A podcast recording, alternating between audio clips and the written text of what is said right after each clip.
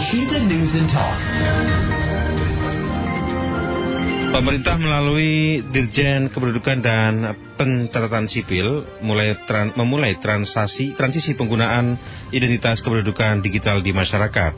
Untuk meningkatkan partisipasi masyarakat di Capil di Provinsi Jawa Tengah melakukan jemput bola dengan menyasar masyarakat secara langsung di kota Semarang sendiri. Hingga pekan lalu sudah ada sekitar lebih dari 20 ribu penduduk yang terdaftar menggunakan IKD. Bagaimana antusiasme masyarakat beralih ke IKD ini kita akan jumpai Kepala Disubcapil Kota Semarang Dr. Andas Yudi Hardianto Wibowo. Washington News and Talk. Pak Yudi, ini memang transisi IKD memang sudah mulai dilakukan ya, sampai antusiasme masyarakat sudah mulai agak banyak ini Pak ya? Ya, betul Mas Junior. Hmm. Ini bagaimana Pak, uh, teknisnya di Semarang sendiri Pak? Ya, jadi uh, Semarang sejak akhir tahun lalu ya, setelah ada instruksi dari Menteri Dalam Negeri melalui Dirjen Dukcapil, itu kami bergerak ya, kami mulai di akhir tahun lalu adalah untuk PNS dulu. PNS di lingkungan pemerintah kota Semarang, baik yang ASN maupun non-ASN, itu kami lakukan perekaman dengan kami membuka pos-pos di pusat-pusat aktivitas teman-teman kami yang ada di daerah di balik kota, di kemudian juga di kantor-kantor dinas yang ada di luar kedua gedung tersebut. Ya Alhamdulillah untuk PNS bisa dikatakan sudah 90 persen kami lakukan perekaman pada saat itu dan mulai uh, awal tahun kemarin kami mulai bergerak baik pada instansi-instansi pemerintah yang uh, vertikal di, di kota Semarang maupun kepada masyarakat. Nah, di mata masyarakat untuk bisa kami aktifasi, kami aktifkan uh,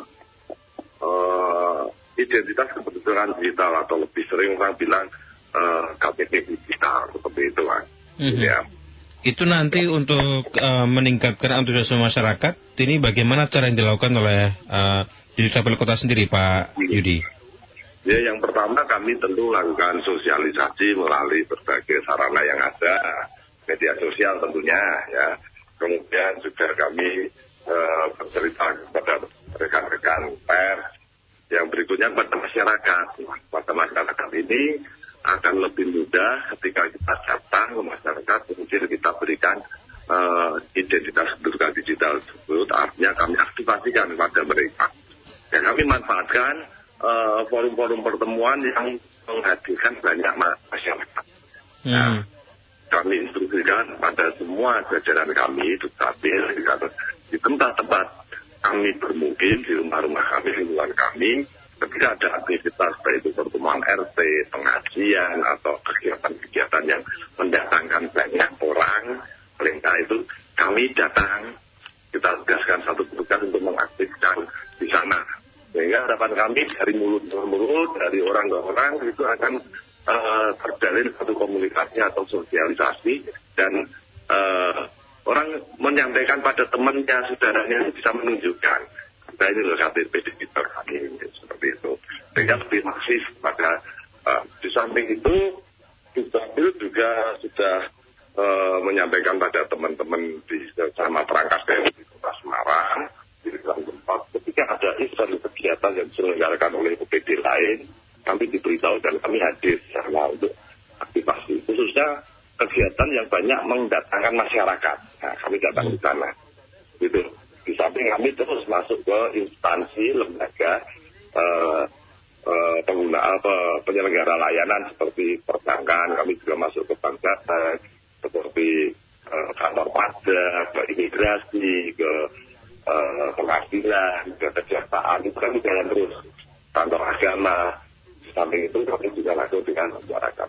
Seperti itu mas Yulia Sebenarnya kalau berkaitan dengan urgensi IKD ini, apa sih Pak urgensinya sehingga kita perlu beralih ke uh, digital dalam hal kartu tanda penduduknya, Pak Yudi? Jadi uh, sesuai dengan arahan dari pemerintah pusat, dari Direktorat Jenderal Kependudukan, memang kan uh, saat ini uh, pemerintah men menuju pada uh, dukcapil go digital ya. Go Mhm. digital ini juga diawali uh, antara lain dengan uh, pelayanan, bagian pelayanan sudah bisa online. Kami pun juga sudah membuka semua pelayanan secara online Mhm. tergantung masyarakat menggunakan. Kemudian juga dalam proses pelayanan kami sudah digital, artinya eh, permohonan itu sudah kepada kami yang daring maupun yang luring itu Mhm. diproses secara digital. Hmm. Eh, verifikatornya sudah tidak harus tungguin di tempat, tetapi bisa di mana saja melakukan verifikasi. Dan saya juga menandatangani semua dokumen yang hampir 2000-an dokumen setiap hari itu juga eh, secara digital. Saya hanya dengan menggunakan gadget atau eh, tablet saya. Sistem ini sudah dibangun. Kemudian dilengkapi dengan identitas digital. Identitas kependudukan digital ini eh, eh, kita tahu mas eh, bahwa secara klasik itu setiap terjadi kelangkaan atau kekurangan belangko KTP fisik KTP itu atau keping KTP-nya Mhm. itu terjadi terus menerus setiap tahun padahal itu eh, pos untuk eh, pengadaan itu cukup besar itu dilakukan oleh pemerintah pusat artinya pemerintah pusat sudah memprediksikan menghitung setiap tahun tetap selalu terjadi kekurangan Mhm. faktor kekurangan itu antara lain yang paling banyak terjadi hanya pemekaran wilayah. Ya. seperti di kota Semarang saja ini perkotaan. Tidak sedikit perumahan baru kemudian pecah RT-nya pecah RW-nya Mhm. seperti itu itu identitasnya harus berubah. Ya harus berubah. Dan itu me- me- mengambil porsi yang cukup besar. Apalagi kemarin kalau nggak salah di provinsi Papua ada pemekaran provinsi ya. Itu pasti juga akan uh, anggaran yang cukup besar nah ke sana kemudian selain untuk mempercepat memudahkan masyarakat dalam mendapatkan layanan dasar tersebut juga rangka tentunya untuk mengurangi kos atau biaya-biaya untuk penciptaan KPP.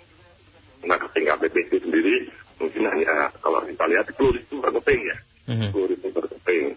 Itu kami terima gratis dari pemerintah pusat. Nah, tapi kami tiap hari mencetak KTP itu eh, biaya yang kami keluarkan itu 10 juta sehari mas untuk kota Semarang. 10 juta sehari itu untuk mencetak KTP yang bentuknya kepingan KTP, ya. ya, itu dari set ribbonnya itu kan yang harga sekitar 5 juta 300 itu. Mhm. Eh, itu hanya mampu untuk 400 keping kalau kami rata-rata mencetak 700 sampai 800 kami butuh 2 set. Hmm. Artinya berarti lebih dari 10 juta harus kita eh, keluarkan untuk anggaran. Jadi nanti kalau sudah dengan digital itu mungkin anggaran-anggaran tersebut bisa dialokasikan oleh pemerintah kota pada kebutuhan atau keperluan masyarakat yang lainnya. Hmm, iya. Begitu mas. Lebih mengefisien dan mengefektifkan anggaran sebenarnya ya. betul. Tapi kekhawatiran masyarakat sebenarnya lebih ke ini Pak, lebih ke kebocoran data. Kalau kita membaca Iya. beberapa pesan masyarakat, Iya. mereka khawatir data mereka bocor ketika masuk ke digital ini Pak. Bagaimana Pak? Ya. Insya Allah Mas, ini kan pemerintah kita dan di Negeri ini kan tidak bergerak sendiri ya. Mereka tentunya dengan uh, Kementerian Kominfo dan BSSN ya dan Siber Sandi Sandi Negara itu ya. Iya. Mereka ber- bekerja sama dengan itu. Insya Allah ini tentu uh, diupayakan untuk mendapatkan satu perlindungan yang sangat uh, ketat ya dan kami percaya itu pasti bisa dilakukan ya uh, oleh pemerintah pusat dan saya harap masyarakat terlalu khawatir dengan hal-hal yang seperti itu. Mhm. Yang penting mereka kemudian eh, percaya pada pemerintah nanti eh, sebenarnya kalau persoalan masalah kebocoran data yang penting masyarakat sendiri bisa mengamankan datanya ya sebenarnya ya Betul Mas. Pak Yudi. Masyarakat juga tidak mudah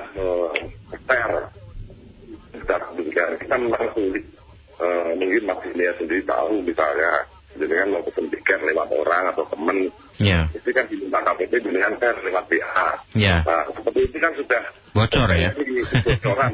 ya, itu perilaku kita juga harus kita bangun bahwasanya identitas kita kita lindungi mulai dari kita. Mhm. Ya. Nanti bentuknya seperti apa Pak? KTP online tuh Pak, KTP digital tuh Pak.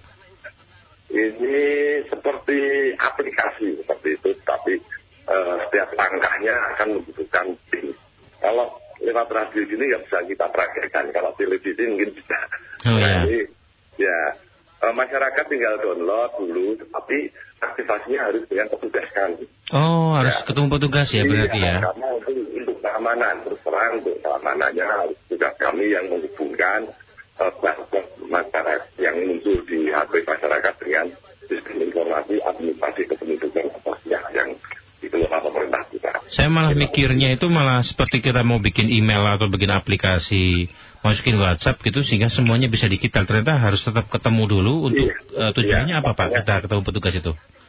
Ya, itu kan eh, verifikasi akhirnya kan dengan eh, data yang sudah ada di eh, server Bupat, Mas. Hmm. Ya. Jadi eh, saat ini kan tidak diperbolehkan sembarang orang bisa mengakses ke sana. Oh, Makanya iya, ketika ada lembaga-lembaga yang membutuhkan layanan kependudukan, memanfaatkan data kependudukan, ingin akses langsung harus melakukan perjanjian kerja sama dengan uh, Dirjen Dukcapil atau Kementerian Dalam Negeri. Nah, lembaga-lembaga yang berbadan hukum itu perjanjiannya langsung dengan pemerintah pusat. Sedangkan di Dukcapil di kota ini perjanjiannya hanya dengan uh, OPD di lingkungan pemerintah kota Semarang. Sehingga uh, termasuk bagaimana akses user ID-nya yang memberikan nanti oleh pemerintah pusat. Jadi tidak sembarang orang bisa mengakses dulu dalam rangka pengamanan data. Oh ya, ini berarti sangat rapi sebenarnya agar kita kemudian Iya. tidak seberangan rapat. Tapi nanti kalau Iya. sudah eh, mengaktifasi, kita berarti tetap di aplikasi itu atau kita mendapatkan satu bentuk foto atau apa di HP kita berkaitan dengan KTP digital itu?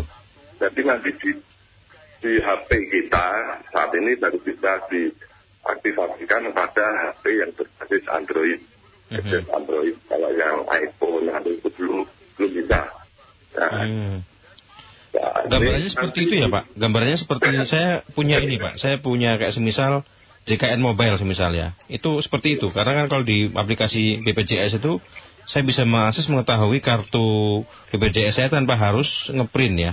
Seperti itu Iya, modelnya atau betul. bagaimana? Betul, ya hampir seperti itu, tapi ini lebih lengkap. Begitu diaktifkan, begitu diaktifkan, IKB tersebut, di kependudukan kita, kita sudah IKB ya, itu maka di dalam media kita akan muncul eh, satu KTP kita, Hmm. yang kedua kartu keluarga kita, bisa dilihat di situ. Kemudian yang berikutnya daftar anggota keluarga yang satu satu keluarga ya. Mhm. Nah, terus ada dokumen-dokumen lain yang bisa menyertai otomatis tertanam di situ. Yang pertama kalau seperti saya yang PNS muncul itu ASN saya. Nah, Mhm. Kalau saya sudah wajib pajak, yang membayar pajak dan melaporkan pajak, muncul juga NPWP saya, kartu NPWP saya. Karena Mhm. saya sudah masuk ke BPJS Kesehatan, eh, kartu Indonesia Sehat saya juga muncul di situ. Hmm. Karena saya sudah vaksinasi sampai booster ketiga muncul. Muncul. Hmm, Sertifikat iya, iya. vaksin saya sampai yang ketiga. Karena saya sudah eh, terdaftar sebagai pemilih muncul kartu pemilih saya dari KPU. Antara lain itu mas. Kalau saya terdaftar di TKS pun muncul mas. Atau di TKS saya. Berarti itu kan negeri nggak boleh seperti itu. Nah, tapi masyarakat dia akan memperoleh eh, dokumen lain berbeda-beda. Ada yang punya BPKS, ada yang tidak.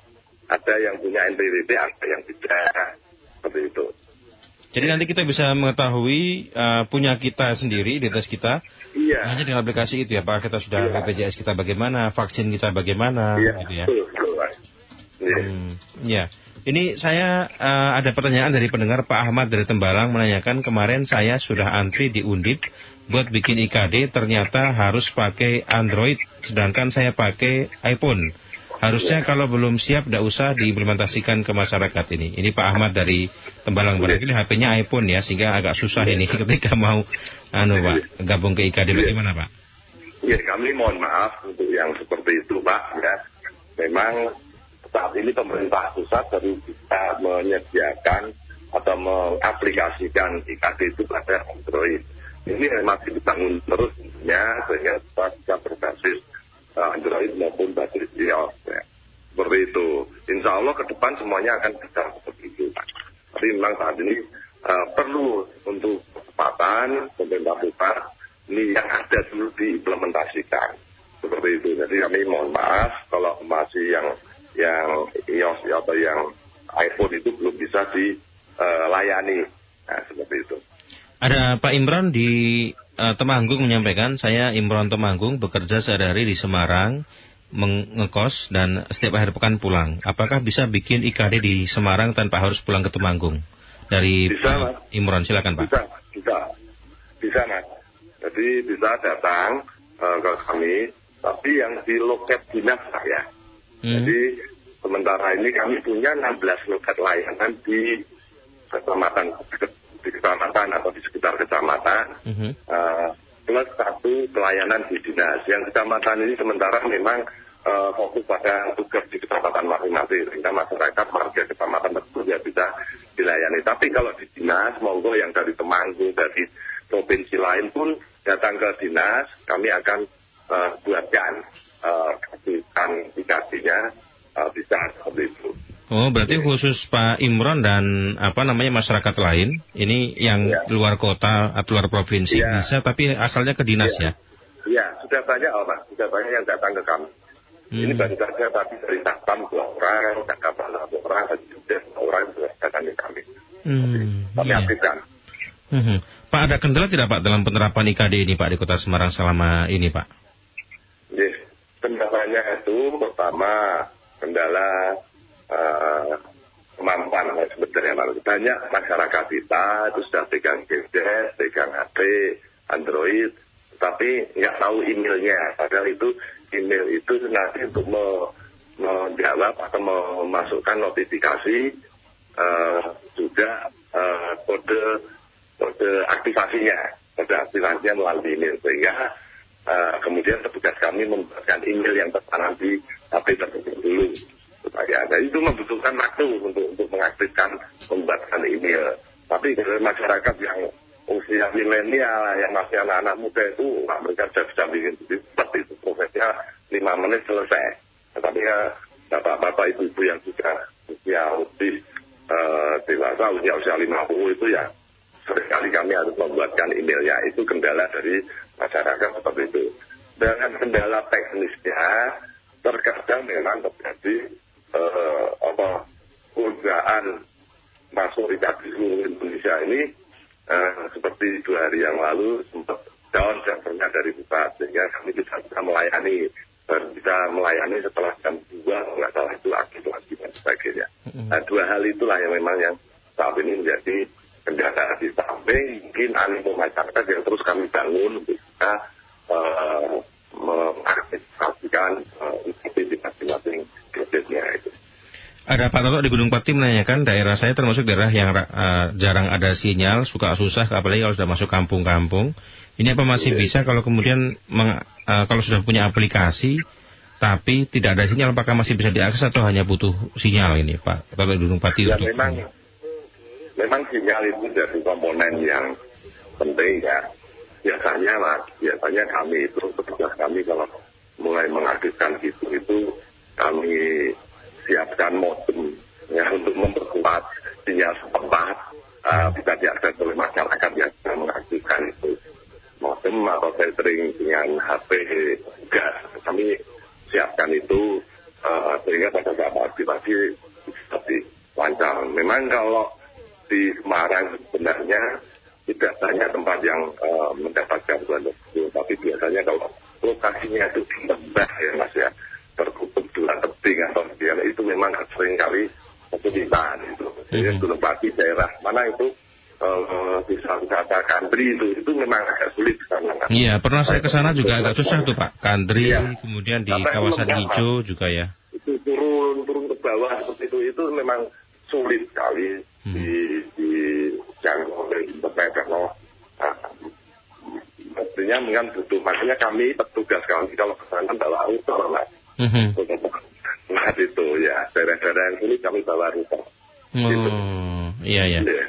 Uh, ini artinya kalau sudah ada penerapan IKD ini ke depan berarti pemerintah kota sudah tidak mencetak KTP berbentuk manual berarti Pak ya? Saat ini masih. Oh masih. masih hmm. Karena belum belum wajib ya Tahun Hmm. ini baru ditargetkan 25 persen ya. Ya. 25 persen penduduk seluruh Indonesia berarti di kota Semarang juga 25 persen dari wajib KTP untuk diaktifkan digital ID-nya. Ya. Hmm. 25 persen ini kalau di kami wajib KTP sekitar 1,2 juta itu berarti 300-an ribu. Itu yang harus kami aktifkan tahun ini. Kemungkinan kalau memang itu sudah mulai bisa diterima masyarakat akan ber- bergerak ke arah sana kalau sudah wajib atau artinya pemerintah secara bertahap akan mengurangi uh, sisi KTP yang selama ini ada. Oh. Masih dua-duanya masih berlaku mas, dua-duanya masih berlaku. Hmm, atau sebenarnya bisa milih semisal saya semisal eh, warga mau bikin KTP, apakah manual Iya. atau digital, apakah bisa milih atau memang harus digital dulu atau manual dulu? sekarang? Kalau datang ke kami kami berikan dua-duanya mas. Oh, gitu ya. Iya, Hmm. sementara ini kami berikan dua-duanya. Iya, iya. Belangko masih Ya. tersedia Pak untuk KTP-nya Pak? Ya, saat ini sampai dengan eh, bulan ini ya, Maret masih tersedia mas. Mudah-mudahan ke depan yang juga masih tersedia. Ini sampai Maret persediaan kami masih cukup. Oke, baik. Ada pesan terakhir barangkali Pak buat eh, pendengar untuk closing statement di wawancara kita pada siang hari ini, Pak Yudi. Yang pertama saya ingin titip pesan kepada masyarakat eh, tidak perlu khawatir dengan eh, adanya eh, transformasi eh, identitas kependudukan dari eh, fisik menjadi digital karena Pak pemerintah tentunya tidak memikirkan itu bagaimana pengamanannya samping pemerintah juga sudah memiliki undang-undang yang membentengi terhadap penyalahgunaan data pribadi Totofang itu sudah ada ketentuan dan peraturannya.